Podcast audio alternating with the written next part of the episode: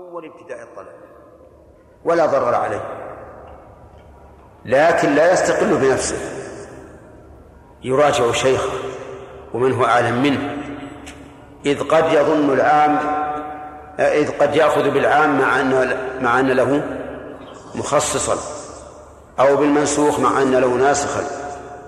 أو بالمطلق مع أن له مقيد مقيدا وما أشبه ذلك. يقول. نعم. ومنها من شروط المجتهد؟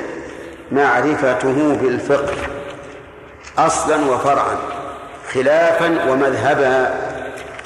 الله المستعان. أن يعرف الفقه أصلا وفرعا هذا سهل. لكن خلافا ومذهبا. إذا لابد أن نطالع جميع كتب الخلاف.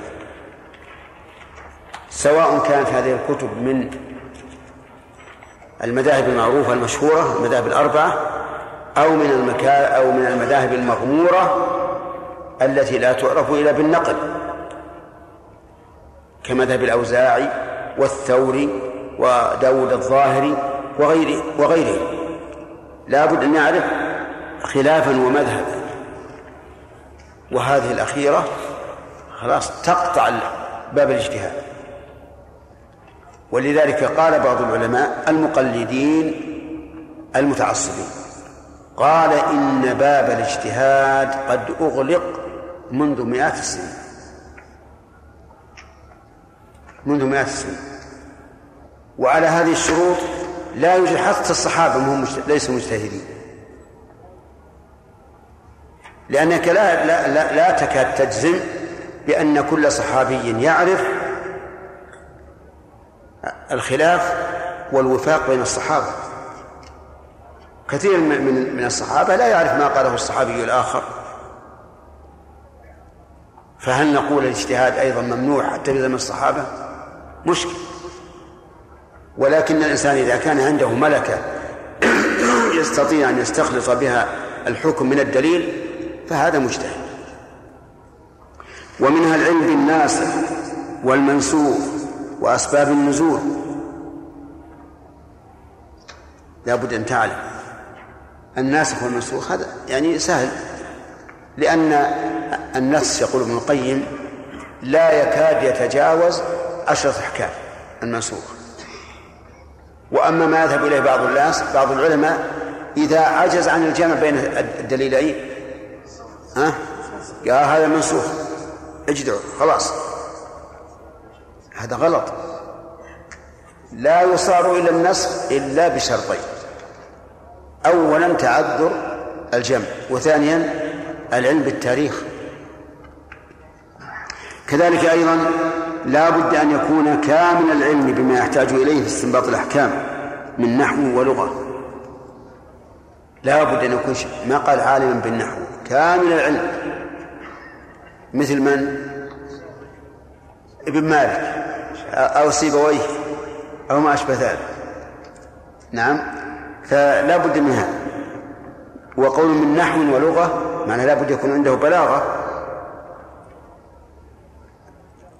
إلى غير ذلك مما سيأتي مفصلا إن شاء الله تعالى في باب الاجتهاد. خلاصة الكلام الآن أن أصول الفقه تشمل ثلاث أشياء. أولا طرق الفقه طرق الفقه الإجمالية. ثانيا كيفية الاستفادة منها. ثالثا حال المستفيد وهو المجتهد. ثم قال أبواب أصول الفقه. ينحصر الكلام في أبواب في أبواب أصول الفقه. فيها سقط هذه عندي في أبواب الفقه والصواب في أصول الفقه. ينحصر الكلام في أبواب أصول الفقه فيما يأتي.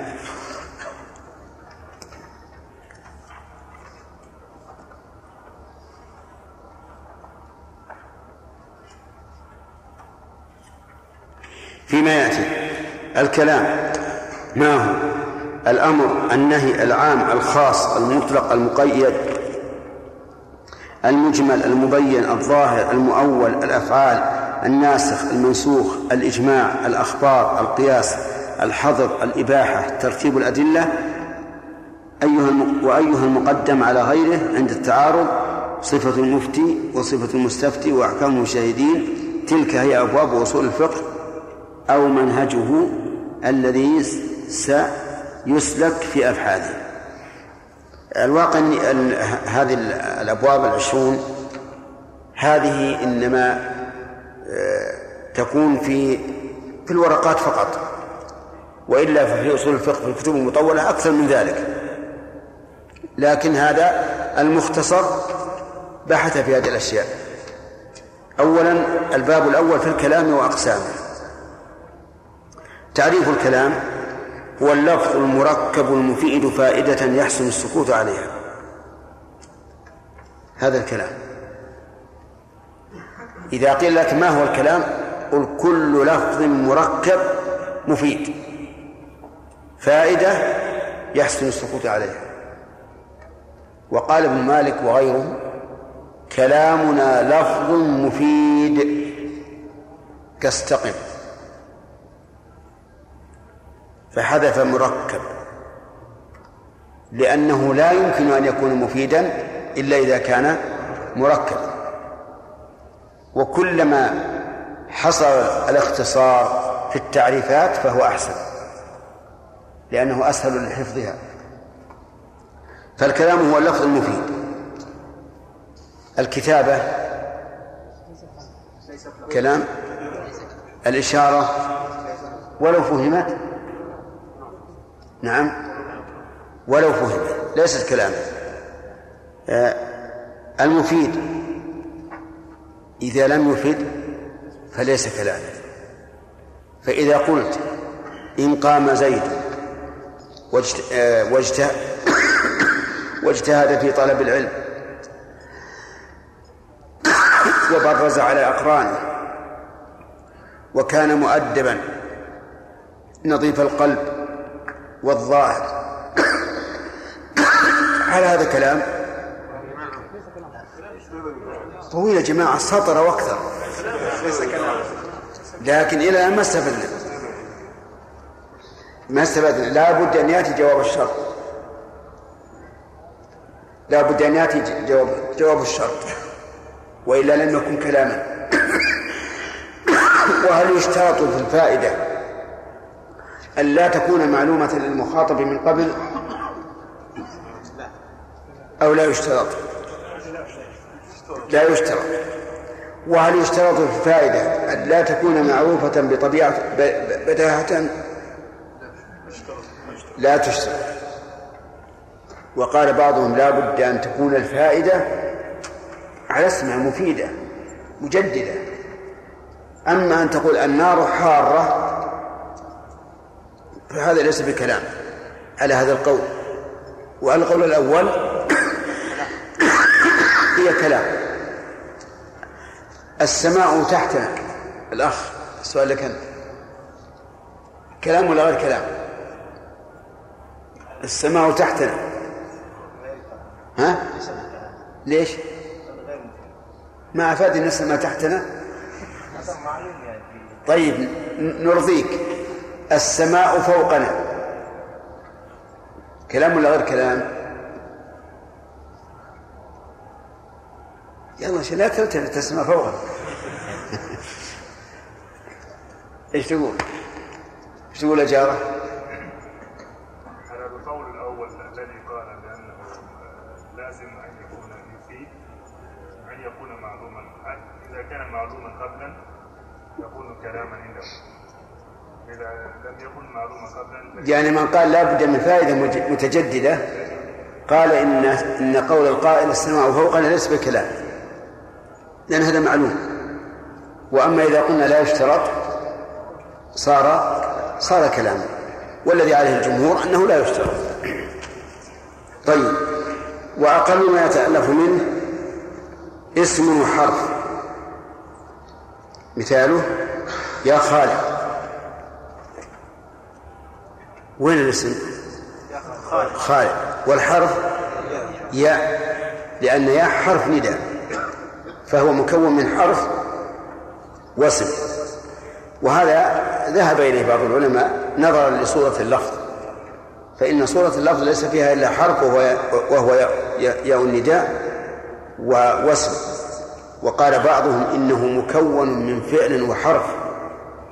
لأن ين الندائية بمعنى أدعو أدعو خالدا وأنه لا يمكن أن يتركب من حرف واسم. آه، يا يا الله مثل مثل المثال الأول. فعل واسم.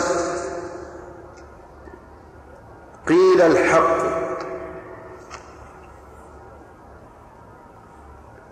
وين الفعل؟ والاسم الحق. نهض العرب. هذا عربي. إذا نهض العرب والصواب أن يقال ها؟ نام العرب. نعم. النهوض ثم أيضا الأحسن أن لا نتعرض للعرب في هذه الأمور. في النهوض والقوة. المسلمون الأخوة الإسلامية أفضل بكثير من الأخوة العربية. ومن كان عربيا وليس مؤمنا فليس أخا لنا حتى وإن كان ابن أبينا. لكن نشكو إلى الله. طيب على كل حال قيل الحق مكون من اسم وفعل. نهض العرب كذلك. اسمان. مثل أفاهم أنت الطلاب فاهمون. هيهات العقيق. طيب. أفاهم أنت مكون من مبتدأ وفاعل أغنى عن الخبر. أولى. فاهم مبتدأ. وأنت فاعل به أغنى عن الخبر. ويجوز أن تعرف فاهم خبر مقدم وأنت مبتدأ مؤخر. طيب الطلاب فاهمون. جملة اسمية واضحة. هيهات العقيق. هذه اسم فعل مكونة من اسم فعل وهي هيهات وفاعله وفاعله وهو العقيق. وكلام المؤلف حقيقة لكن في بعضه نظر. الكلام يتكون من اسمين أو من فعل واسم. هذا هذه الخلاصة. اسمين أو فعل واسم.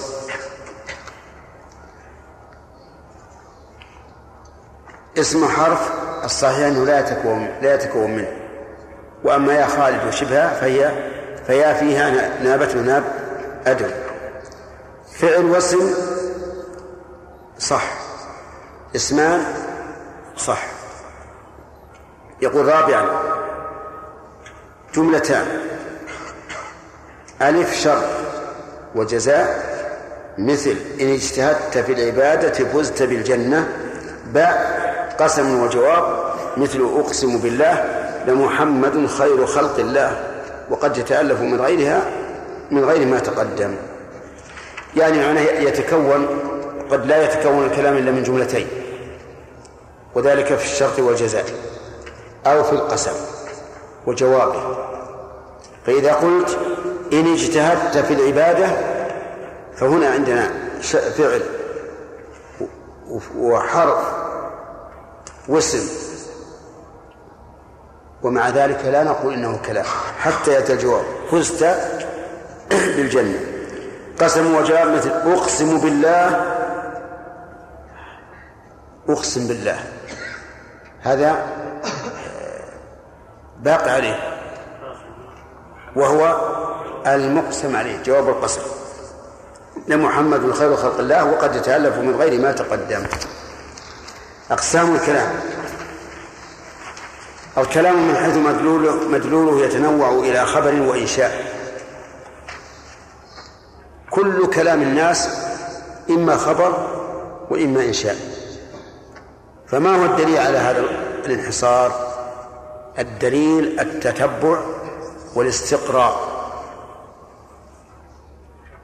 أن العلماء تتبعوا كلام الناس فوجدوه لا يخرج عن كونه خبرا أو إنشاء. فالخبر هو الذي هو الذي لنسبته خارج تطابقه أو لا تطابقه. هو الذي لنسبته خارج تطابقه النسبة أو لا تطابقه مثال ذلك قدم بكر نسب القدوم إلى من؟ إلى بكر قد يطابق الواقع وقد لا يطابقه. إن كان بكر قد قدم فالنسبة مطابقة وإن لم يكن قدم فالنسبة غير مطابقة. وعرف بعضهم الخبر بما هو أيسر من هذا فقال ما يقبل التصديق أو التكذيب لذاته. ما يقبل التصديق أو التكذيب لذاته فهو خبر. فإذا قال قائل قام محمد هل يقبل التصديق؟ يقبل ويقبل التكذيب. يجوز للمخاطب أن يقول لم يقم وهذا التكذيب. ويجوز ويجوز للمخاطب أن يقول نعم قام وهذا تصديق. وقولنا لذاته أي لذات الخبر بقطع النظر عن المخبر فإن من الأخبار ما لا يحتمل التصديق باعتبار مخبره المخبر به ومنها ما لا يحتمل التكذيب باعتبار المخبر به. خبر الله ورسوله. إيش؟ لا يحتمل التكذيب باعتبار حال المخبر به. دعوى مسيلمة مسيلمة أنه رسول. لا يحتمل التصديق. لأن نعلم أنه كاذب. قول مسيلمة جاء هذا وجاء وذهب ذاك. ها؟ يحتمل التصديق والتكذيب؟ أي نعم. حتى بالنسبة للمسيلمة لأن المسيلمة لا نقول أنه كاذب قطعا إلا فيما ادعاه من النبوة أما بقية كلامه فإنه يكون مثل كلام مثل كلام الفاسق. إن جاءكم فاسق بنبأ فتبين. طيب. مثاله الله واحد. خبر نسبته مطابقة لما في الخارج أو لا؟ محمد خاتم النبيين. كذلك. هذا في الصدق. ومثاله حضر صديقك إذا كان واقع الأمر أنه لم يحضر هذا مثال لإيش؟ للكذب. الإنشاء هو الذي ليس لنسبته خارج تطابقه أو لا تطابقه. وإن شئت فقل الإنشاء ما لا ما لا يحتمل التصديق والتكذيب. يعني ما لا يصح أن أن يقال لقائله صدقت أو كذبت وهو نوعان إنشاء طلبي مثل الأمر النهي التمني العرض الاستفهام. هذه كلها إنشاء طلبي. الأمر طلب الفعل. مثاله صل ما أمرك الله به. يعني صل ما أمر الله به أن يوصل أين الأمر؟ صل النهي لا تكاسل عن القيام بالواجب. تكاسل. التمني ليت الشباب يعود يوما. ليت. العرض ألا تنزل عندنا فنكرمك. ألا تنزل. آه الاستفهام من زارك؟ من؟ ما رأيك في من يهمل؟ ما. وهناك أيضا أشياء أخرى من الإنشاء لم يذكرها المؤلف مثل الترجي والتحضير. الترجي أن أن يقول الرجل الغني لعلي أتصدق. عظني في الصدقة لعلي أتصدق. هذا إيش؟ هذا رجع. لأن فيه شيء من العسر إذ أن هذا الرجل بخيل.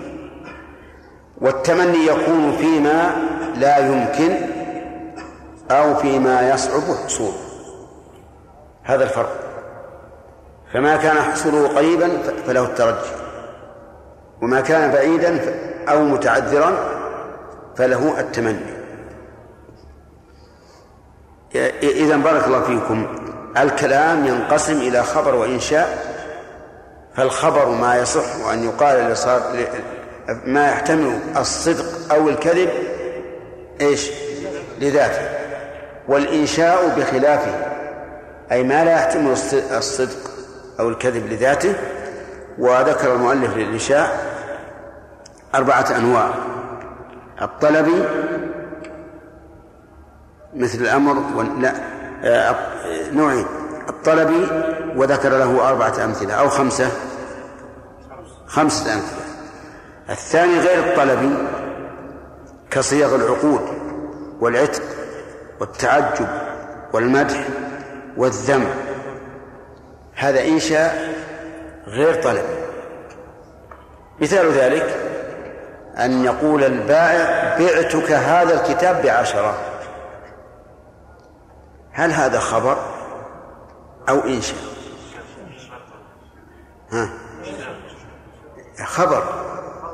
اللهم إلا إذا كان يريد أن يخبر عن شيء وقع بالأمس مثلا. فيكون إيش؟ يكون خبرا. خبرا. بعتك هذا الكتاب بعشرة الآن نعقد البيع. هذا إنشاء.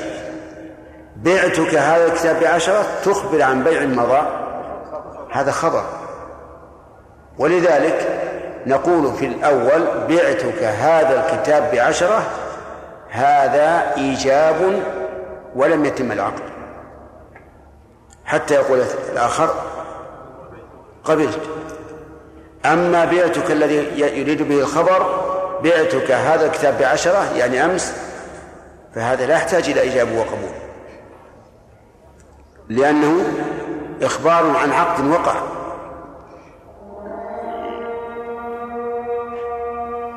نكمل هذا؟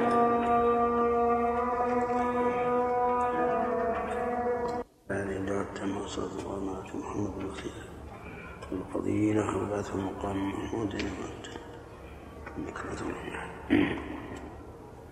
إذا صيغ الصيغ صيغ العقود هي إيش؟ من الإنشاء ولا من الخبر؟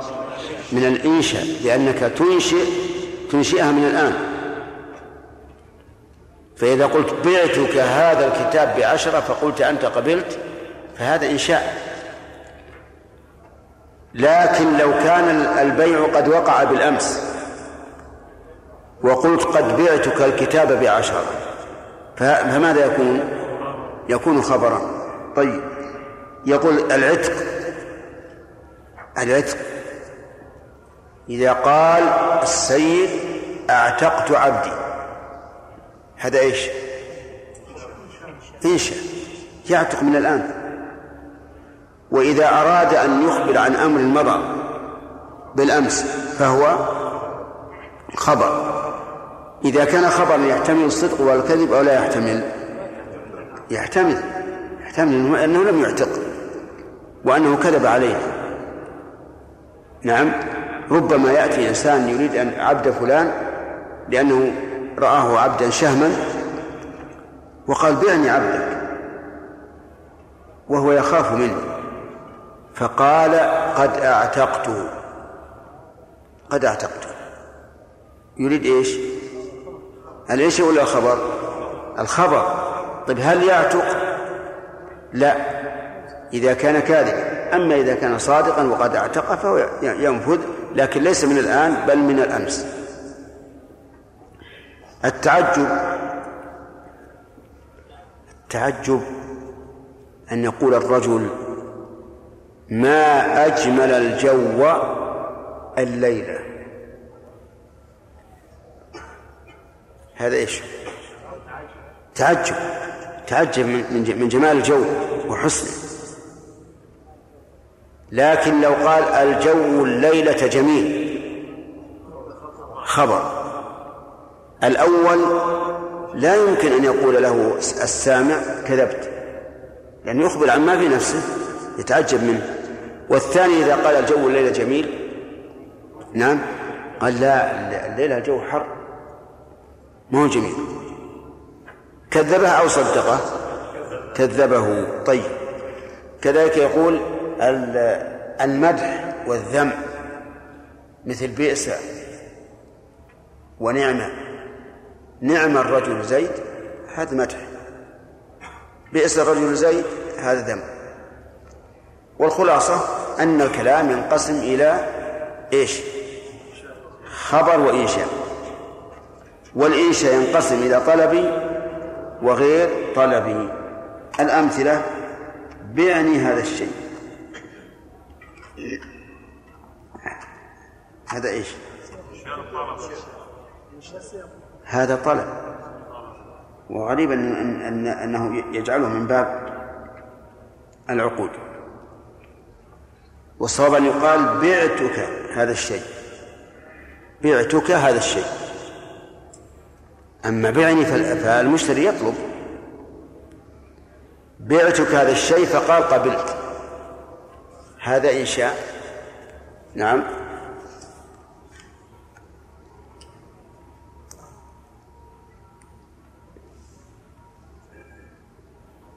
الصواب.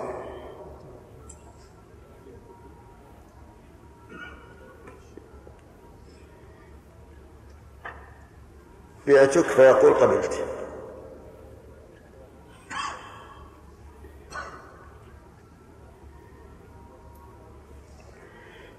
بعتك هذا الشيء فيقول قبلت. هذا إنشاء. طلبي أو غير طلبي؟ غير طلبي. لله درك. هذا أيضا إنشاء. لأن المراد به التعجب. ما أحسن الأدب. أيضا إنشاء. أو يقال إن الله درك من باب المدح. فهي مدح وتعجب في الواقع. أما ما أحسن الأدب فهي تعجب بلا بلا شك. أعتقتك إيش؟ آه. أن أعتقتك للعبد. يعني تقول للعبد. تقول للعبد أعتقتك. هذا إنشاء. طلبي ولا غير طلبي؟ غير طلبي. نعم أخو العشيرة أنت. هذا مدح. إنشاء غير طلبي. بئس للظالمين بدلا. هذا إنشاء غير طلبي لأنه ذم. ثم قسم الكلام إلى إلى وجه آخر. إن شاء الله يأتي غدا.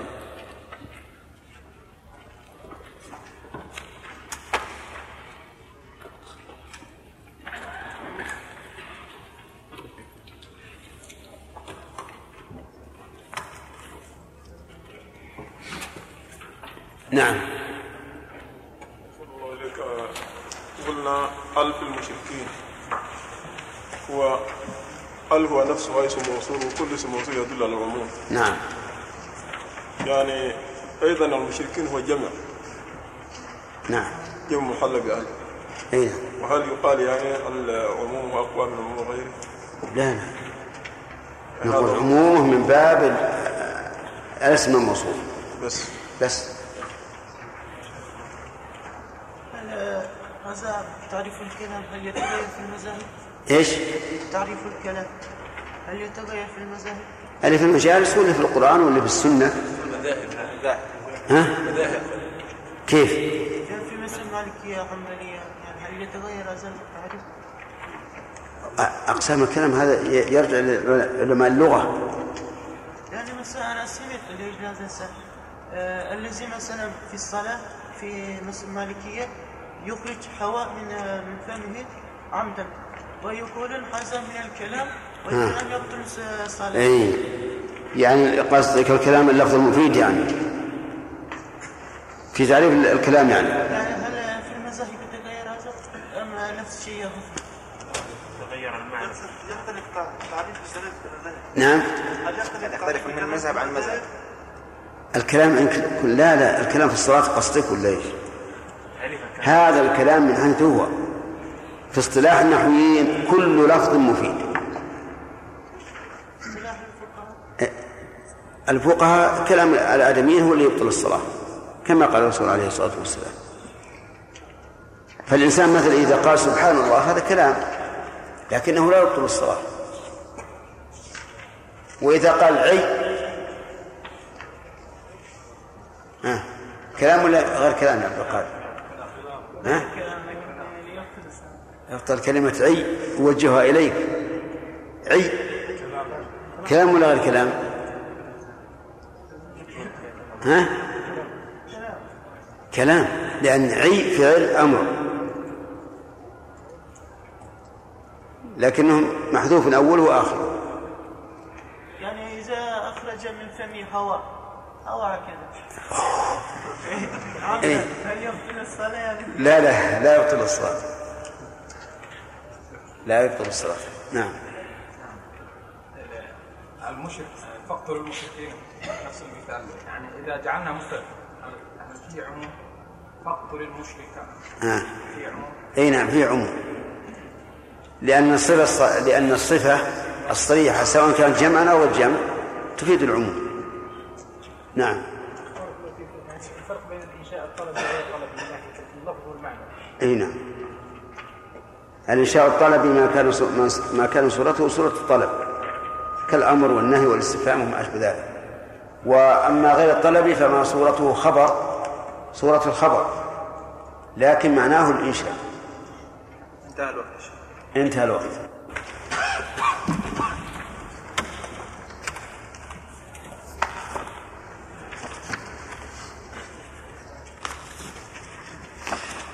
بسم الله اللهم صل وسلم. وعلى آله وصحبه أجمعين قال رحمه الله تعالى أقسام الكلام من حيث استعماله في مدلوله. ينقسم الكلام من من حيث استعماله في معناه إلى حقيقة ومجاز وللحقيقة تعريفان. التعريف الأول للحقيقة.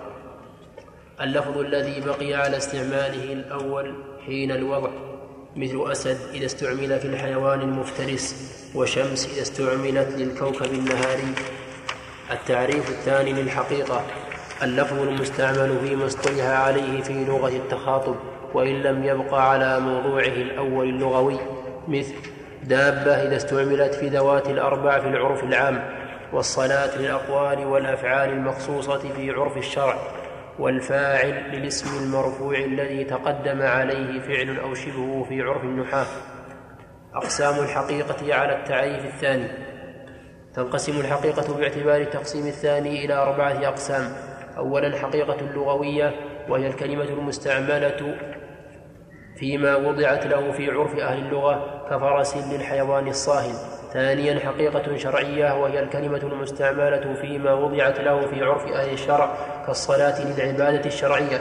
ثالثا حقيقة عرفية عامة وهي الكلمة المست- المستعملة فيما وضعت له في العرف العام كدابة لذوات الأربع. رابعا حقيقة عرفية خاصة وهي الكلمة المستعملة فيما وضعت له في العرف الخاص كالفاعل الاسم المرفوع إلى آخره في عرف النحاة. بسم الله الرحمن الرحيم. قال رحمه الله تعالى أقسام الكلام من حيث استعماله في مدلوله.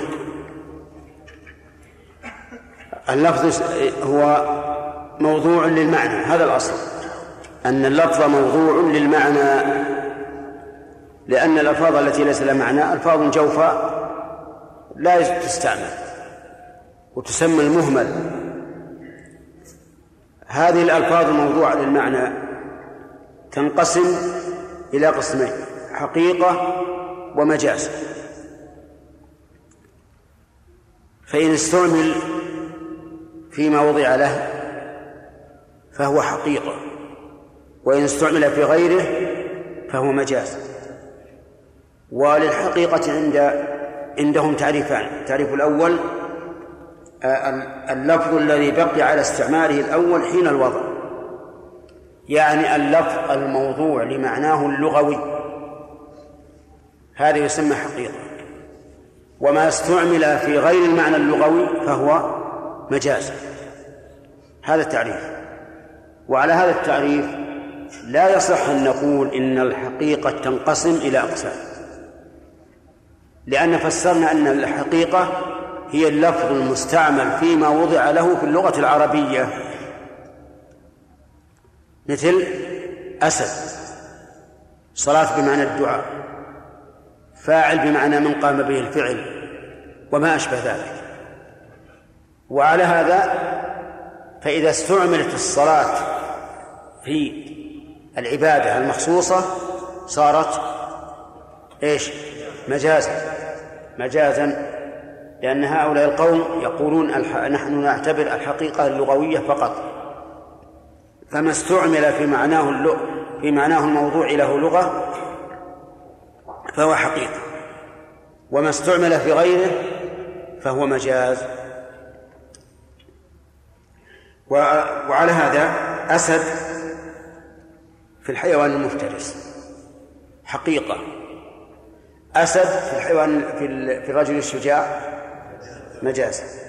شمس للكوكب النهاري المعروفة شمس للمرأة الجميلة مجاز لأنه استعمل في غير المعنى اللغوي.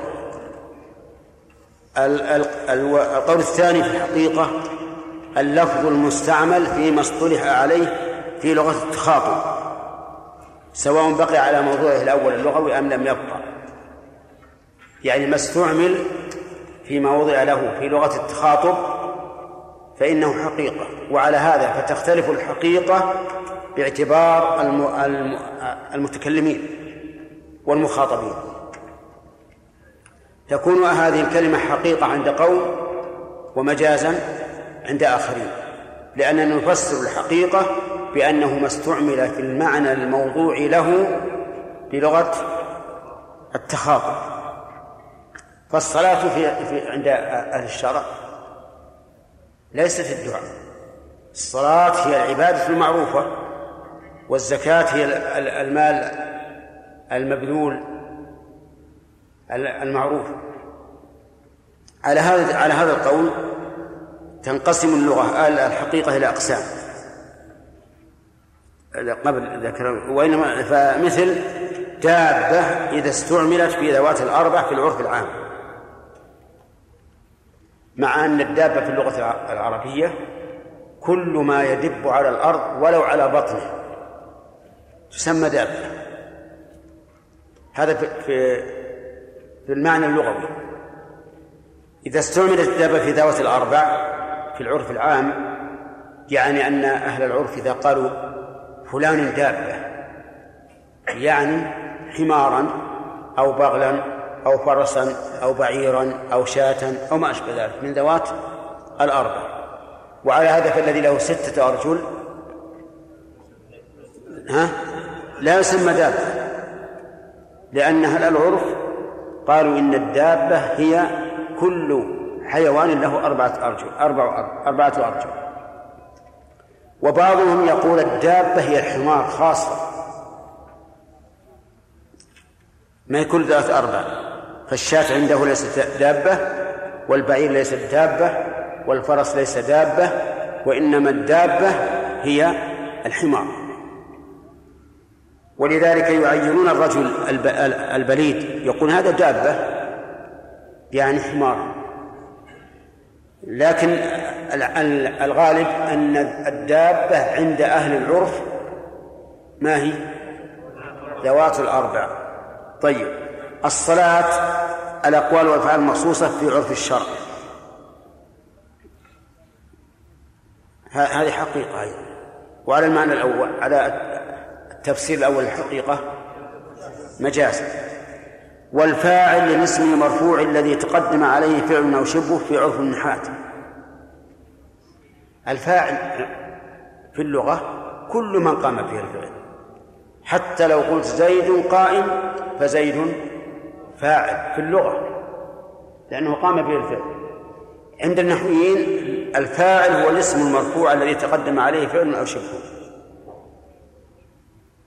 فإذا قلت زيد قام فزيد عند النحويين لا يا إخوان. زيد قام زيد في من فاعل؟ عند اللغويين فاعل. طيب. وبناء على هذا التعريف يقول أقسام الحقيقة على التعريف الثاني تنقسم إلى أربعة أقسام. حقيقة لغوية. وهذا يتفق فيه القولان. الأول وهذا. اللغوية هي الكلمة المستعملة فيما وضعت له في عرف أهل اللغة. كفرس للحيوان الصاحب وأسد للحيوان المفترس وشمس للكوكب النهاري وهلم جرا وهنا اتفقت اتفق القولان. يتفق القولان في الحقيقة اللغوية الثاني الثاني حقيقة شرعية وهي الكلمة المستعملة فيما وضعت له في عرف أهل الشرع كالصلاة للعبادة للعبادة الشرعية. فإذا ورد في لسان الشرع صلاة فالمراد بها العبادة المخصوصة. فقول الرسول عليه الصلاة والسلام لا يقبل الله صلاة أحدكم إذا أحدث حتى يتوضأ. إن حملناها على المعنى اللغوي صار معنى الحديث لا يقبل الله دعاء أحدكم إذا أحدث حتى يتوضأ. ولكننا لا نحملها على ذلك لأن الصلاة استعملت في لسان الشرع بإيش؟ بالعبادة المخصوصة المعروفة. فقول الرسول لا يقبل الله صلاة أحدكم إذا أحدث لو أراد إنسان أن يقول لا لا يقبل الدعاء من المحدث إلا إذا توضأ لقول النبي صلى الله عليه وسلم إذا توضأ أحد إذا أحدث أحدكم لا يقبل الله صلاة أحدكم إذا أحدث حتى يتوضأ ماذا نقول له؟ نقول هذا غير صحيح لأن المعنى نقل من المعنى لأن معنى الصلاة نقل إلى الاصطلاح الشرعي. واضح يا جماعة؟ طيب. إن الصلاة كانت على المؤمنين كتابا موقوتا. لو قال إن الدعاء كان فرضا مؤقتا. ماذا نقول؟ لا غلط. لأن الصلاة نقلت من العرف من المعنى اللغوي إلى المعنى الشرعي. وقد وردت في لسان الشارع. فإذا وردت في لسان الشارع حملت على المعنى الشرعي حقيقة عرفية عامة وهي الكلمة المستعملة فيما وضعت له في العرف العام كدابة لذوات الأربع. هذا عام عند كل الناس عند الفقيه عند صاحب الكلام عند النحوي عند أهل البلاغة عند الأدباء عند الشعراء. الدابة في العرف هي ذات الأرض. هي ذات الأرض. فإذا أحد تكلم من الناس في العرف نحمل كلام كلامه على المعنى العرفي الدابة أي ذوات الأربع. وعليه فذوات الست الأرجل. ما هي دابة؟ رجلين. لا أرجل ولا أيدي. ليست دابة. طيب. عندنا في العرف الداب ما هو؟ الثعبان أو الحية. ما يعرف الناس غير هذا. لو تقول أقبل الداب أخذ كل واحد منا حجرا. لأن يعتقد إيش؟ إن الثعبان. وإذا هو رجل مقبل هل يرمونه بالأحجار؟ فيقول أقبل الداب دونكم الداب. ما يصير هذا. مع أن الداب مع أن الرجل المقبل يمشي لغة إيش؟ داب. وما من دابة في الأرض إلا الله رزقها يشمل الآدمين وغيرهم. إذا نسمي هذا الاصطلاح عرفي إيش؟ عام. يشمل العوام وطلبة العلم والرجال والنساء وكل أحد الدابة عندهم ذوات الأربع. طيب. وقلت لكم إن هناك عرف آخر إن الدابة الحمار. يقول إذا قال لك هات الدابة ما تروح تجيب له الشاة. تأتي له بالحمار ولا تجيب له البعير تأتي له الحمار. هذا عرف معروف الآن عندنا. طيب حقيقة عرفية خاصة.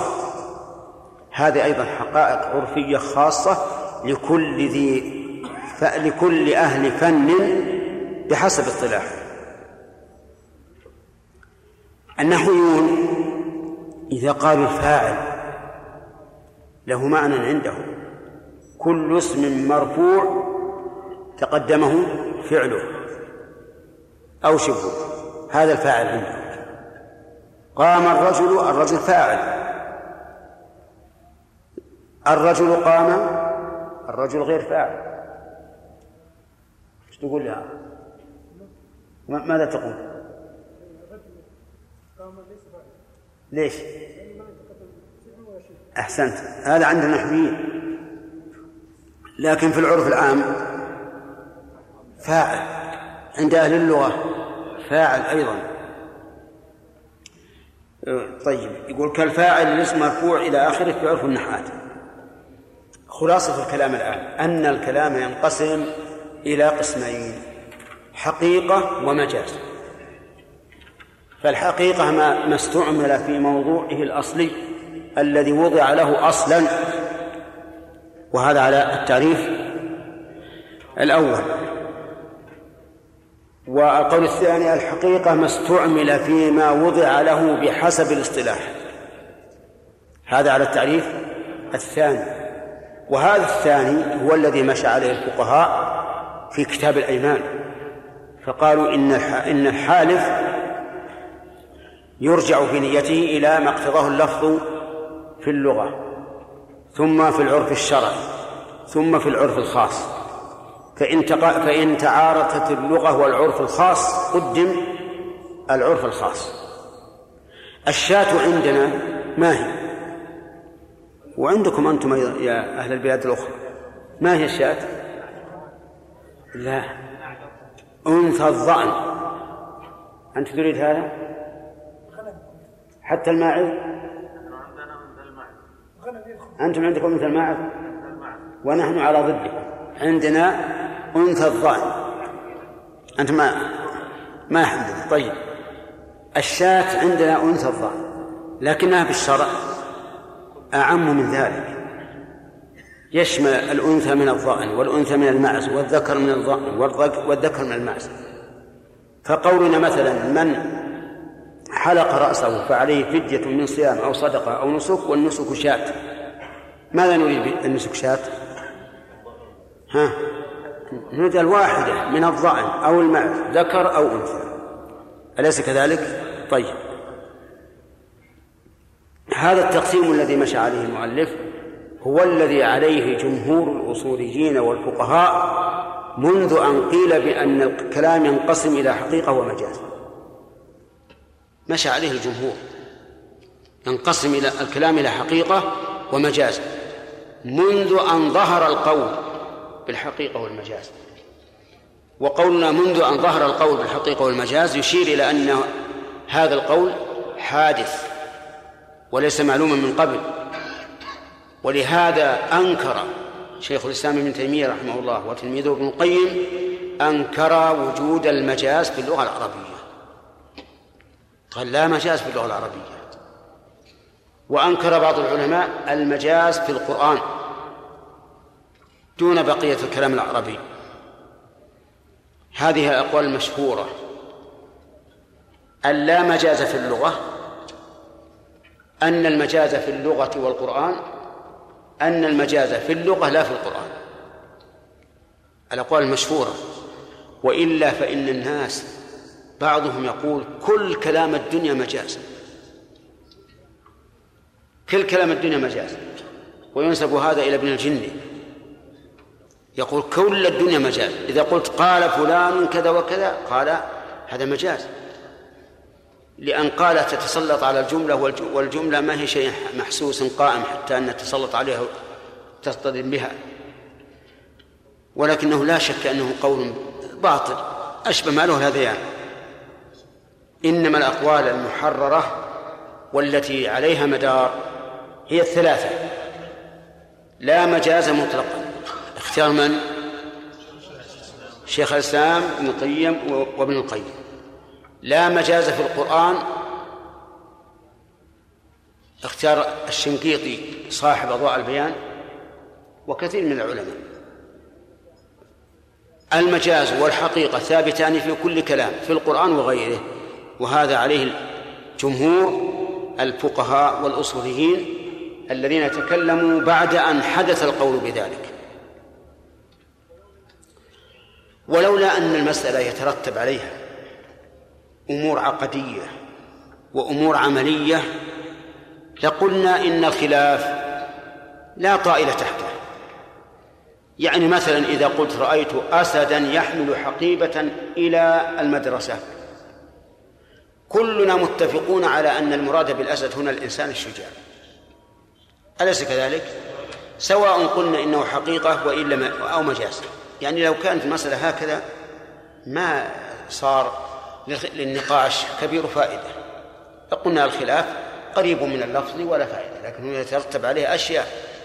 ترتب عليه في العقيدة أن من الناس من قال جميع آيات الصفات وأحاديثها كلها مجاز ليست حقيقة. وبعضهم قال أكثرها مجاز لا حقيقة. وهذا خطير. كذلك في المسائل العملية بالقية يقول هذا مجاز هذا كناية وما أشبه ذلك. فلهذا صار النزاع نزاعا معنويا. تترتب عليه أحكام عقدية وأحكام عملية. فإذا قال قائل المجاز من علامته تبادر غيره لولا القرينة وجواز نفيه. جواز نفيه قلنا نعم هكذا قالوا من علامات المجاز.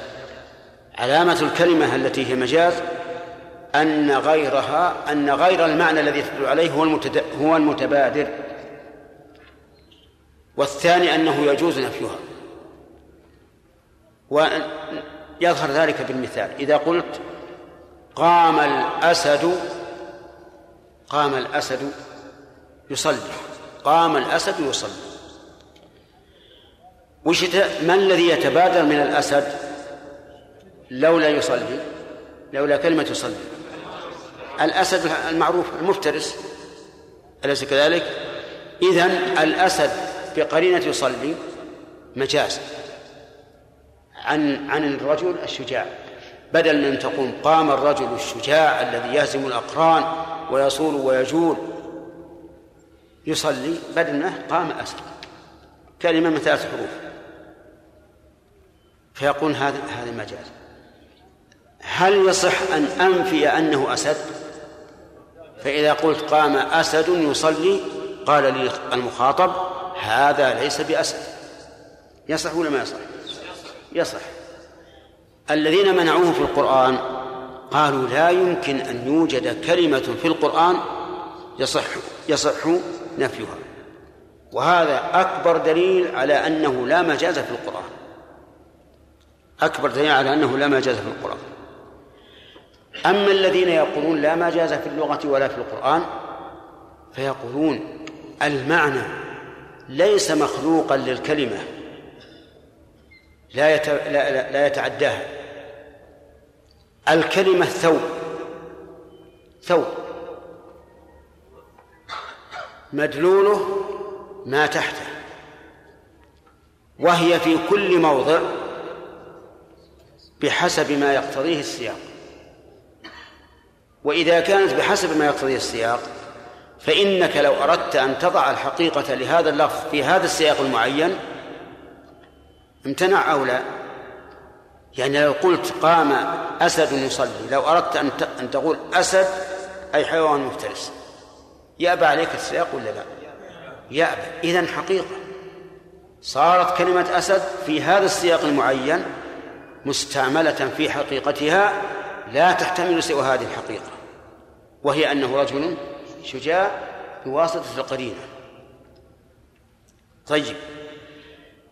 قال الذين يثبتون المجاز في القرآن وغيره قال الله تعالى فوجد فيها جدارا يريد أن ينقض فأقامه.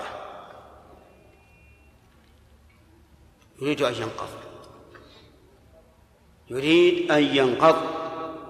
وهل للجدار إرادة؟ نعم.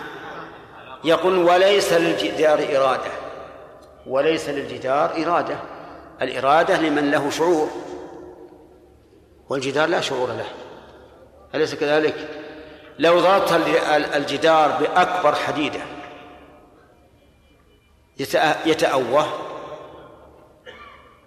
استغفر الله. يتأوه ولا لا؟ إذا لا شعور له. إذا لم يكن له شعور فلا إرادة له. فكني في الإرادة عن الميل أي وجد فيها جدارا مائلا لا أنه يريد أن ينقض لأنه ليس له إرادة. أفهمتم التقرير؟ فنقول لهم نحن لا نسلم نفي الإرادة عن الجدار. أنتم تقولون ليس له إرادة لأنكم لا تفقهونها والله يقول وإن من شيء إلا يسبح بحمده ولكن لا تفقهون تسبيحه. وهل يسبح بإرادة أو بغير إرادة؟ بإرادة؟ يعني الحصاة عندما تسبح مريدة؟ نعم. ولولا هذا لم يكن هناك مدح لتسبيح كل شيء بحمد الله. إذن للجدار إرادة. للجدار إرادة لكنها لا ليست معلومة لنا. طيب. ونقول لهم إن النبي صلى الله عليه وعلى آله وسلم قال في أحد جبل يحبنا ونحبه. أما نحبه واضح حب في قلوبنا ممكن لكن يحبنا. هل تثبتون للجدار محبة؟ ها؟ لا قصد للجبل محبة. إن قالوا لا كذبوا الحديث. وإن قالوا نعم نقضوا أنفسهم. لأن المحبة أخص من الإرادة. قد يريد الإنسان ما يحب وما لا يحب. فإذا كان جبل يحب فالإرادة من باب أولى. انتقض المثال الآن. وصار لا دلالة له فيه لا دلالة فيه على إثبات المجاز. طيب قالوا فوجد فوجد فيها جدارا يريد لا. واخفض لهما جناح الذل من الرحمة. هل للذل جناح؟ جناح. هل للذل جناح؟ نعم. نعم. إن شئنا قلنا نعم. لأن الله أثبت له جناحا لكن الجناح لا يرى. فقالوا الذل أمر معنوي. وهو خضوع النفس. فنقول نعم. وخضوع النفس أمر يشبه وقوع الطائر وطيرانه. لأن الرجل إذا تعالى وارتفع كأنما يطير. فإذا قال اخفض جناح الذل معناه تواطأ تواطن وتهاون أمام الوالدين. وهذا معنى واضح.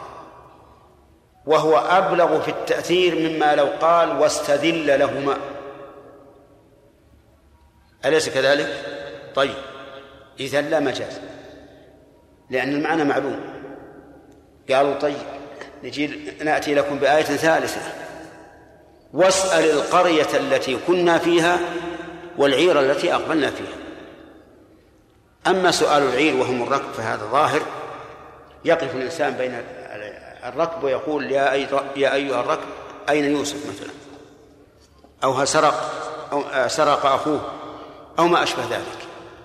لكن القرية قال لهم أبوهم يعقوب واسأل القرية التي كنا فيها. نقول تبا لعقولكم. هل تظنون أن يعقوب يريد من أبنائه أن يذهبوا إلى القرية ويقفوا أمام كل جدار؟ يسأل عن أخي يوسف؟ ها؟ أي أبناء يعقوب. هل لا أخي يوسف يا أخي. يوسف. هو قالوا إنه سرق. وما شهدنا إلا بما علمنا. وما كنا للغيب حافظين. واسأل القرية. يعني أنه سرق. طيب هل تظنون أن يعقوب أراد هذا من بنيه؟ الجواب. أي نعم. واسأل هل, هل تظنون أن أبناء يعقوب أرادوا من أبيهم أن يذهب إلى القرية ويقف عند كل جدار؟ يقول هل سرق ابني؟ عجيب يا جماعة. أبدا. ولو أنهم ظنوا هذا الظن لكانوا أعلنوا بأذان أن أباهم غير غير صاحب. مجنون. أعتقد لو أن واحدا منكم ذهب الآن إلى المبيعة يسأل. هل جلب اليوم بطيخ؟ إيش يقولون؟ عاقل ولا ولا مجنون؟ مجنون كل يعرف اسأل القرية يعني أهل القرية لكنه عبر بالقرية كأنه يقول اسأل القرية ومن فيها وهذا أبلغ في التعميم وهذا واضح ولذلك وما كان ربك مهلك القرى حتى يبعث في أمها رسول يتلو عليهم آياتنا وما كنا مهلك القرى إلا وأهلها ظالمون. ما المراد بالقرى هنا؟ أهل القرى لا شك. لأن القرية نفسها ما هي تهلك. نعم ربما تدمر كقوله تعالى دمر الله عليهم وللكافرين أمثالها فالحاصل أن كل شيء ادعوا فيه المجاز فإننا نقول لا مجاز. لأنه ما دام تعين الق... تعين المعنى بالسياق فهو المعنى الحقيقي المراد ولا غير. وبهذا يظهر قوة قول شيخ الإسلام ابن تيمية رحمه الله. وإلا فإن الإنسان أول ما يقرأ سبحان الله ما في مجاز في اللغة العربية. والبلاغيين ما شاء الله ملأوا الكتب بالمجاز. وقالوا إنه يعطي السياق حسنا وجمالا. نعم. وما أجمل قول الشاعر وإذا المنية أنشبت أظفارها ألفيت كل تميمة لا لا تنفع. حيث شبه المنية بإيش؟ بسبع عظيم. لم يأتي الإنسان بهدوء بل بقوة وعنف حتى أنشب أظفاره فيه. وقضى عليه. هذا معنى رائع. كيف تتركون هذا المعنى الرائع تقولون هذا حقيقة. نعم. فعلى كل حال لو كانت المسألة لا يترتب عليها شيء من أمور العقيدة أو من أمور من الأمور العملية لقلنا الأمر سهل. وقولوا ما شئتم. ما دام الخلف لفظيا أو قريبا منه فهذا سهل. لكن يترتب عليه تحريف آيات النصوص وأحاديثها وأحاديثها من أجل المجاز. ولهذا سماه ابن القيم في النونية سماه الطاغوت. ولكنه رحمه الله إذا قرأت النونية سبحان الله الذي فتح عليه هذا العلم وجدت أنه حطمهم تحطيما لا يقومون بعده. و ومن أراد أن يراجعها فليراجعها. لكن الآن نقرر لكم ما قاله المؤلف والتقرير شيء والمعنى الذي نعتقده شيء شيء آخر. طيب كتلميذ آه، يسألني يقول إذا قال إذا قال المدرس أجب على ما قلت لك لا على ما تراه صوابا. هل يجوز؟ نعم وش تقولون؟ يجوز؟ سبحان الله على خلاف ما تعتقد؟ نعم قال لك كم أقسام الماء؟ هو قرر عليك أن أقسام الماء ثلاثة والصحيح أنها اثنان هل أجيب على ما قال ثلاثة إن أجبت على ما قال ثلاثة أرضيته ولكني لم أرضي ضميري وإن أجبت عما أعتقد أسقط أسخطته نعم. فأسخطه ويسقطني. نعم. فماذا أصنع؟ نعم. أقول أنا ما أنا أجيب على حسب ما قال لكنني لست أجيبه مفتيا حتى أقول هذا في ذمتي. ولهذا لا يجوز أن أصانع أحدا يعتقد أن أن الأقسام ثلاثة أن أقسام المياه ثلاثة وأفتيه بما يعتقد. لا أفتي بما أعتقد. لكن هل هذه فتوى معتمدة أو جواب أو هي جواب عما لقني إياه؟ لقنني إياه فقط. الجواب الثاني. ولهذا نقول أجب. سألني قال هل الأرض تدور ولا ما هي تدور؟ وأنا أعتقد أني متوقف. لا أقول تدور ولا ما تدور. هل أكتب جيم؟ الله أعلم. نعم. أو ماذا أكتب؟ حسب ما لقني. إذا كان لقني أنها تدور أقول تدور وتنهي دورتها في 24 ساعة.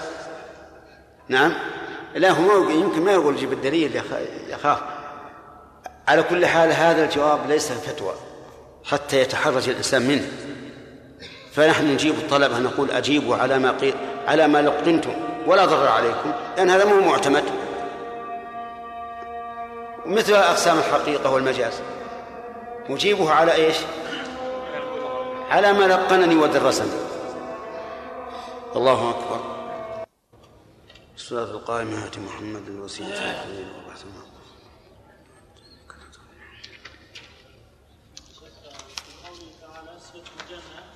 تجري من تحت الأنهار يقولون هذا المجاز لا يمكن أن يجري من تحت الأنهار أي نعم. لو لو طلبناهم بالدليل. ممكن يجري من تحت. السقف. أتعرف السقف المقلوب الآن في في فن في الفن المعم- المعماري؟ كان في الفن المعم- المعماري يجعلون ال- الجسر تحت السقف. في الأول. الآن صار من فوق. يقلب. ما يدرى أن فيه جسر. ألا يمكن أن يكون من تحتها من تحت الأرض؟ لو طالبتهم بالدليل على هذا ما استطاعوا أن يدفعوا ظاهر الآية. لكن نقول إن الله تعالى ذكر هذا في في سياق بيان نعيم الجنة. ومعلوم أن الأنهار التي تجري في جوف الأرض من تحت السقف ما ما ما فيها فائدة. لكنها من فوق. ويكون من تحتها أي من تحت قصورها. وأشجارها. بدليل قوله تعالى في آية أخرى من تحتهم الأنهار. تحتهم. هم وهذا يقتضي أن يكون فوق سطح الجنة. نعم. شيخ يفتائنا أن أن الطالب يجيب, بما لقن إيش؟ أن يفتائنا أن الطالب يجيب بما لقن نعم. لا يعتقده. نعم. شيخ في كثير من من بلاد أهل البدع كالرافضة والأشاعرة وغيرهم يعني أحيانا يعني يقعون بالقدح على الصحابة وأحيانا يعني يأمر الطالب أنه يجيب يعني على نقيض رأي أهل السنة في الصفات ثم ترصد له درجات عالية. فهل أيضا يعني يتمرد ويجيب يعني يعني يجيب برأي لا لا لا لا ما قصد قصد في مسائل الاجتهاد ما في مسائل الكفر لو قال مثلا الكفر بالله ليس ليس بمخرج من الملة فلا بد أن تقيد. الكفر بالله لا من الله على رأي الأستاذ. نعم قيد. لا تأتي بمطلق وكذلك أيضا في مسألة سب شيخ نعم. إذا كان.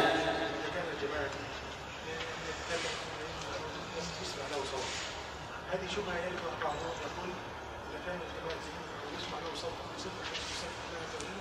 يسمع له اراده لو اراده نعم.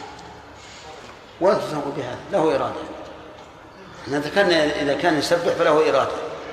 لم نقل هذا يا جماعة. لكن أخونا يقلب فيها الربع ويهوجس شوي ويحط ظهره شوي. الله يعلم. قلت لكم لا يسبح إلا بإرادة. انتهى. وقلت لكم إذا لو لم يكن له إرادة لكان هذا ليس مدحا. انتهى قلنا ما تريد الآن. ما تريد أنت قلنا. وانتهى. نعم. بعض العلماء والسنة من الذين أثبتوا المجاز ويشنوا على غيره هم متفقون في إثبات الأسماء والصفات كما وغيره شيخ نعم. هو المشكلة المشكلة أن من علامات المجاز ما قلت لكم.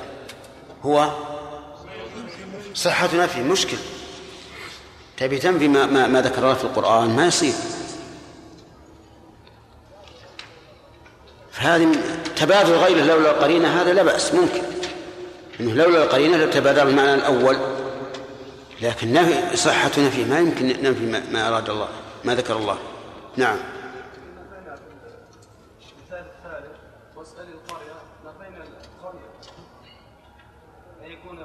يعني السائل.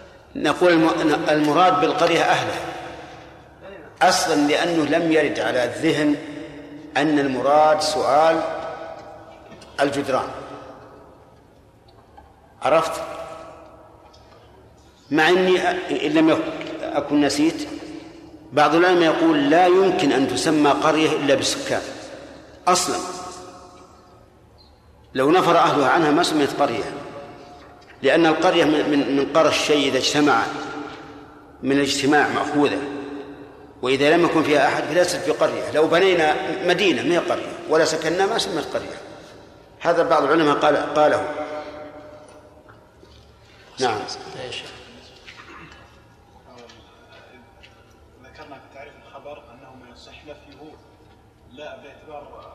باعتباره لا باعتبار قائله فلماذا لا نقول إيش المجاز إيش؟ إيه. تعريف الخبر ما يصح أن يوصف بالصدق. ما يصح نعم ما يصح أن يوصف بالصدق أو الكذب نعم. باعتبار ذاته باعتبار ذاته لا باعتبار المخبر عنه. نعم. زين. لماذا لا نقول في المجاز هذا القول. وش هو؟ نقول ما يصح نفيه باعتبار باعتبار أصله لا باعتبار القائل. ما يصح. لأن أصل المجاز م- منكر. يعني هو يقول ال- المناظر أنا لا أقر بالمجاز إطلاقا لكن الكذب والصدق أمر ثابت ما حد ينكره أن الكلام إما خبر وإما صدق. نعم. لا معنى آخر لعلاقة وارتباط بين المعنى المنقول منه والمنقول إليه مع قرينة مانعة من إرادة المعنى الأول الأصلي الموضوع. كشمس للمرأة الحسناء وبحر, للرجل الكريم أو العالم. الثاني اللفظ الذي استعمل في غير ما وضع له في اصطلاح التخاطب كدابة. الموضوع الموضوعة لغة لكل ما يدب على الأرض إذا استعمل في ذوات الأربع فإنها لم تبقى فإنها لم تبقى على موضوعها الأول الأصلي. بل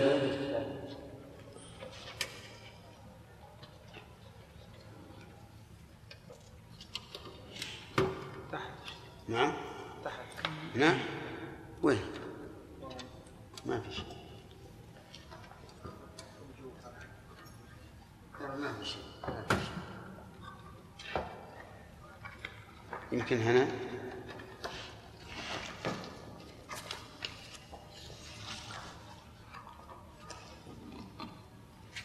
كيف؟ كم الصفحة؟ 17 آه نعم. نعم.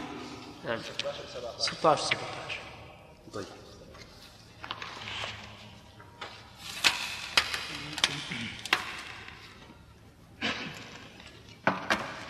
نعم المجاز الأول. إيه، من, من الأول. المجاز للمجاز تعريفان. الأول هو اللفظ الذي خرج عن استعماله الموضوع له إلى معنى آخر. لعلاقة وارتباط بين المعنى المنقول منه والمنقول إليه مع قرينة مانعة من إرادة المعنى الأول عن نعم. مانعة من إرادة المعنى الأول الأصلي الموضوع كشمس للمرأة الحسناء وبحر للرجل الكريم أو العالم الثاني اللفظ الذي استعمل في غير ما وضع له في اصطلاح التخاطب كدابة الموضوعة لغة لكل ما يدب على الأرض. إذا استعمل في ذوات الأربع فإنها لم تبقى على موضوع على موضوعها الأول الأصلي بل استعمل استعمله. بل استعملت. نعم. بس التاء مربوطة والصواب أنها مفتوحة. بل استعملت في غيره وهكذا. بسم الله الرحمن الرحيم. المجاز. المجاز على القول بوجوده له تعريفان. التعريف الأول اللفظ الذي خرج عن استعماله الموضوع له إلى معنى آخر لعلاقة. وهذا التفسير بناء على أن الحقائق كم؟ ثلاث. فإذا استعملنا في الحقيقة الشرعية كلمة لغير معناها الشرعي ولو ولو لمعناها اللغوي صارت إيش؟ صارت مجازا لأننا استعملناها في غير ما وضع له ما وضعت له آه، في الاصطلاح.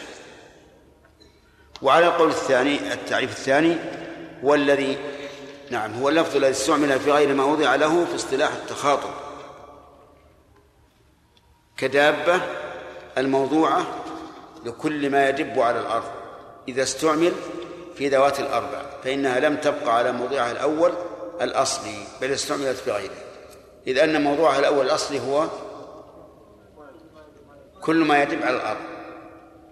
لكنها على القول بأن الحقائق ثلاث إذا استعملناها في ذوات الأربع لم تكن لم تكن مجازا لأنها استعملت في الحقيقة. على كل حال كلام المؤلف فيه شيء من من التناقض. لأن قوله اللفظ الذي استعمل في غير ما وضع له في اصطلاح التخاطب ينطبق على أن الحقيقة ثلاثة أقسام. لأنه إذا تخاطب أهل الشرع في الحقيقة فالمراد بها الحقيقة الشرعية. والأول يقول الذي الذي خرج عن استعماله الموضوع له إلى معنى آخر لعلاقة مع قرينة. فالذي يظهر أن التفسير الأول على على عدم التقسيم والتفسير الثاني على التقسيم لأنه قال في اصطلاح التخاطب. ولكن لا بد في المجاز لا بد من أمرين قرينة وعلاقة. القرينة تمنع إرادة الحقيقة والعلاقة تبين الواسطة والارتباط. بين المعنى الأصلي والمعنى المجازي. انتبه. ولهذا لا يصح أن تقول أعتق أصبعا بدل أعتق رقبة لأنه لا علاقة.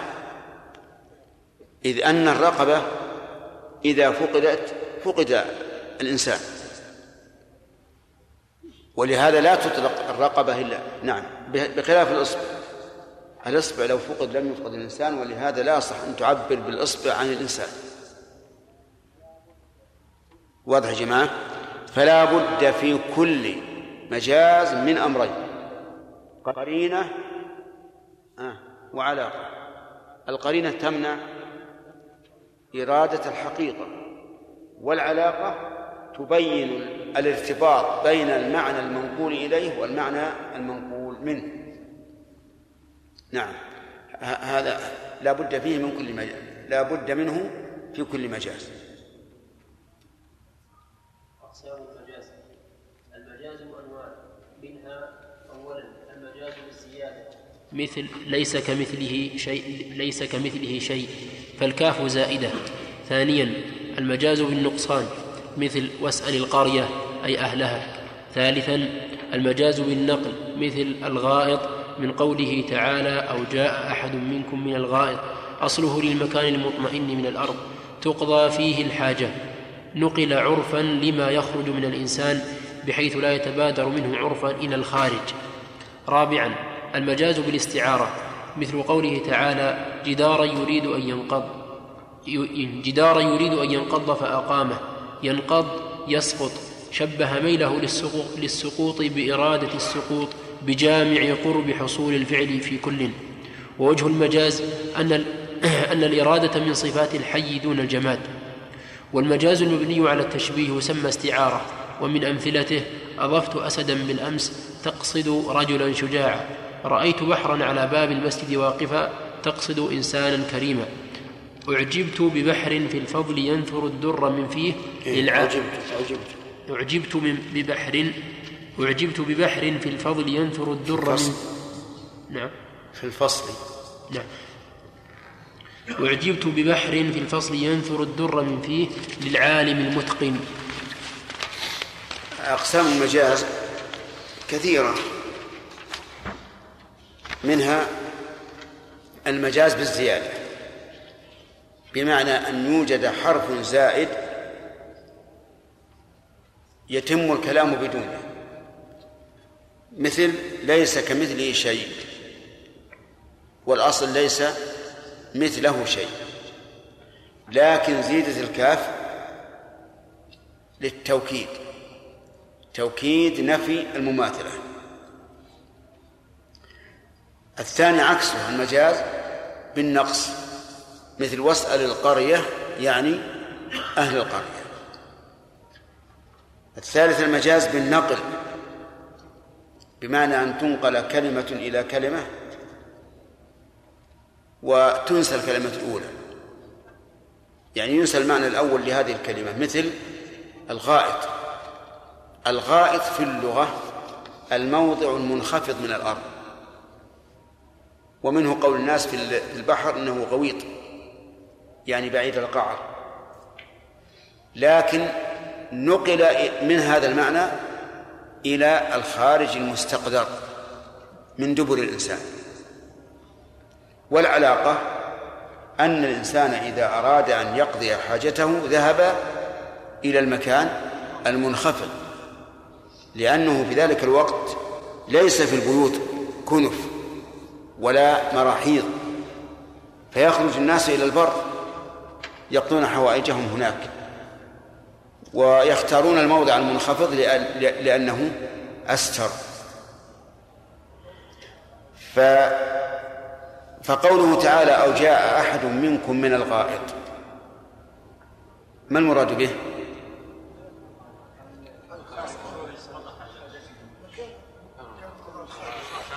المكان منخفض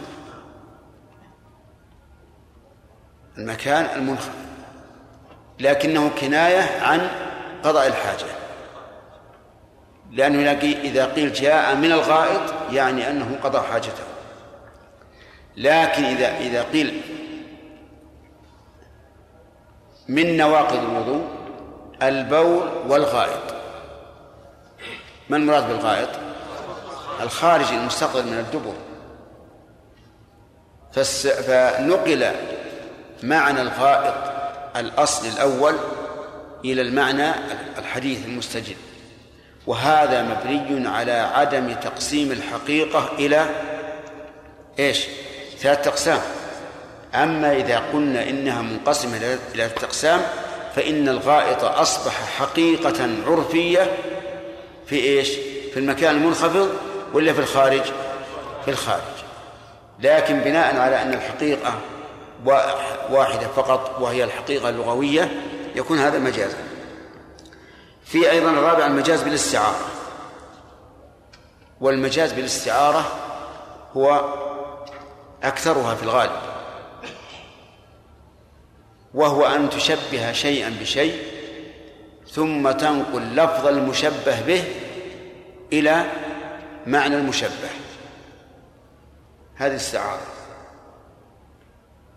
تشبه شيئا بشيء. ثم تنقل لفظ المشبه به إلى معنى المشبه. مثال ذلك فلان كالبحر في الكرم. فلان كالبحر في الكرم.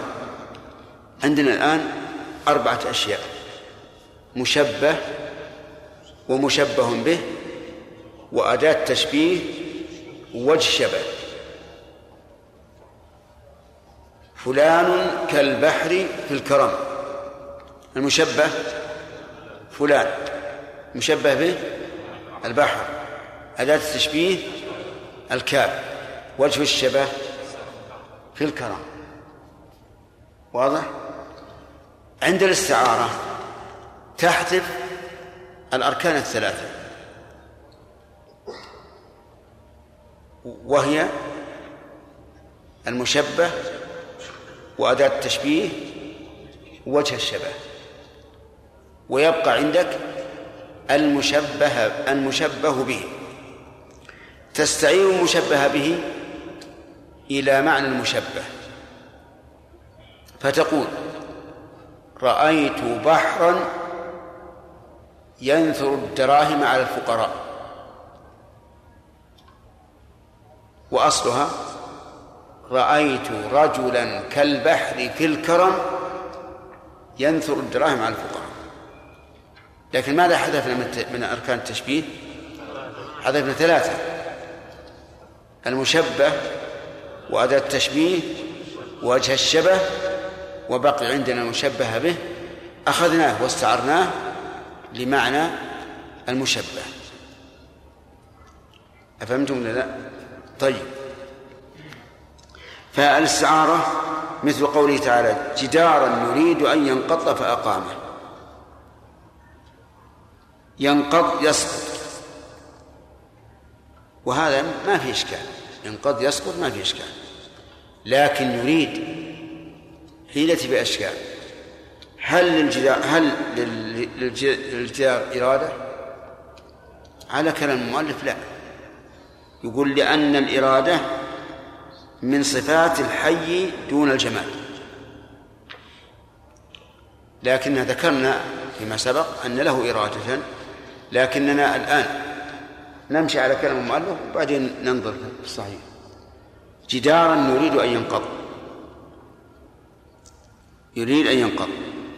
يقول ليس له إرادة لكن عبر بالإرادة عن الميل. عن الميل والمعنى جدارا مائلا. مائلا. والمائل عادة يسقط وينقض. فهنا استعار الإرادة لإيش؟ للميل. كأنه قال جدارا يميل لينقض. فاستعار هذا هذا لهذا. ولنا أن نجريه على وجه آخر. فنقول شبه الجدار بما بما بمن يريد. ثم حذف المشبه به وأتى بلازمه وهو الإرادة. لأن عندهم الاستعارة نوعان مكنية وتصريحية. فإن حذف المشبه به ورمز إليه بشيء من لوازمه فهي مكنية وإن صرح بالمشبه به فهي فهي إيش؟ تصريحية على كل حال الاستعارة الآن في كلمة يريد ولا ينقض؟ في كلمة يريد لأن الإرادة إنما تكون من صفات الحي دون الجمال وعليه فنقول يريد بمعنى يميل لينقض فاستعير لفظ الإرادة إيش؟ لمعنى الميل وهذا من المجاز. نعم. الباب الثاني. لا والمجاز. قرأ. إذن والمجاز المبني على التشبيه يسمى استعارة إذن كل مجاز علاقته التشبيه فهو استعارة. مثاله أضفت أسدا بالأمس. أضفته يعني جعلته جعلته ضيفا عندي. أسدا بالأمس. هنا كلمة أسد. ما المراد بها؟ الرجل الشجاع. وأصلها أضفت رجلا كالأسد في الشجاعة فحذفنا المشبه والمشبه وأداة التشبيه وجه الشبه وقلنا أسدا. لكن ذكرنا قبل قليل كل مجاز لا بد فيه من علاقة ولا بد فيه من قرينة. العلاقة بين بين الأسد والرجل الشجاعة. طيب القرينة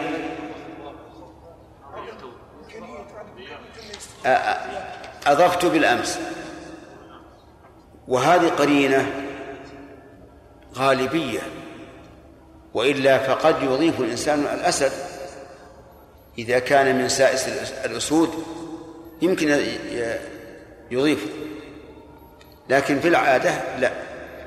آه نعم. رأيت بحرا على باب المسجد واقفا تقصد إنسانا كريما.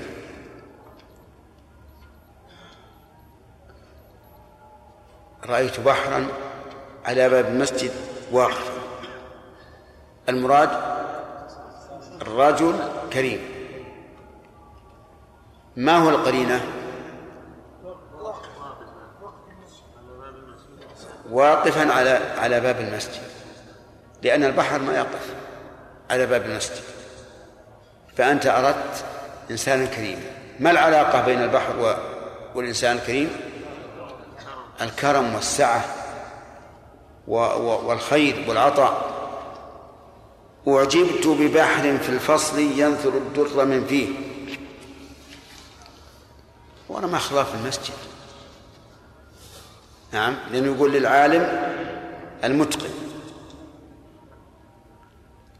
أعجبت ببحر في الفصل ينثر الدر من فيه. أين القرينة؟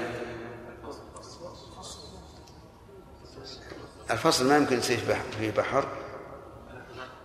نعم؟ ما يمكن. الواقع ما يمكن. لكن في بعض البلاد التي من الله عليه بالأنه يوجد في نفس المدارس أجزاء من النهر تمشي في المدرسة. لكن هذا أمر قليل ولا ولا يراد. طيب ينثر الدم الدراء هل هي قرينة القرينة لما قال من فيه. ولو اقتصر على ينثر الدر لكانت هذه غير قرينة لأن البحر ينثر الدر. لكن لما قال من فيه صارت قرينة. إذن في هذا في هذا قرينتان.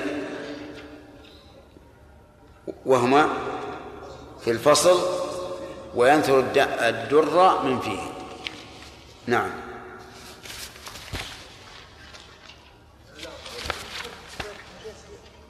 ها؟ أي نعم وكذلك الدر بناء على الكلام فيه في مجاز. نعم. الباب الثاني الأمر. تعريفه تعريفه طلب الفعل بالقول ممن هو دونه على سبيل الوجوب. المحترزات. يخرج بطلب الفعل النهي لأنه طلب ترك وبالقول يخرج الطلب بالإشارة ونحوها فلا تسمى أمرا اصطلاحا. وبقولنا ممن هو دونه يخرج الالتماس لأنه يكون من المساوي لأنه يكون من المساوي كما يخرج يخرج به الدعاء لأنه طلب من الأعلى لا ممن هو دونه. الأمثلة. الأمثلة. للدعاء ربنا اغفر لنا ذنوبنا. ولم نقل الشارع على سبيل الوجوب فخرج به ما, ما كان على سبيل الندب فلا يسمى أمرا. ولكن هذا آه، فيه نظر. والصواب أن يقال الأمر طلب الفعل على وجه الاستعلاء. كلمتان. طلب الفعل على وجه الاستعلاء. والمراد بالفعل هنا ليس ما يقابل القول بل ما يقابل الترك. فيكون المعنى طلب الإيجاب على وجه الاستعلاء. سواء كان المطلوب قولا أم فعلا وسواء كان واجبا أم مندوبا. كل يسمى يسمى أمرا. وأما قوله بالقول فقد يغني عنه قولنا طلب لأن الغالب أن الطلب يكون بالقول. لكن هذا الاحتراز بالقول بناء على الاصطلاح. وإلا فقد يكون الأمر بالإشارة كما أشار النبي صلى الله عليه وعلى آله وسلم إلى أصحابه حين صلى قاعدا وصلوا خلفه قياما. أشار إليهم أن أن يجلسوا ففهم الصحابة ذلك وجلسوا. وقوله على وجه الاستعلاء أحسن من قولنا ممن هو ممن هو دونه. لأنه قد يكون الآمر دون المأمور لكنه مستعل عليه. كما لو أسر اللص أميرا. وقال له افعل كذا افعل كذا. أيهما الأعلى؟ لكن اللص الآن يامر. مستعد. ولهذا نقول على وجه الاستعلاء وإن كان الآمر دون المأمور. ما دام يرى نفسه أعلى منه فإنه يعتبر آمرا. طيب بعض الناس الآن يقول أعطن كذا من غير أمر عليك. أعطني كذا من غير أمر عليك. هل هذا تناقض؟ لا لأن مراده من غير أمر أي من غير استعلاء عليك. هنا. سبحانك اللهم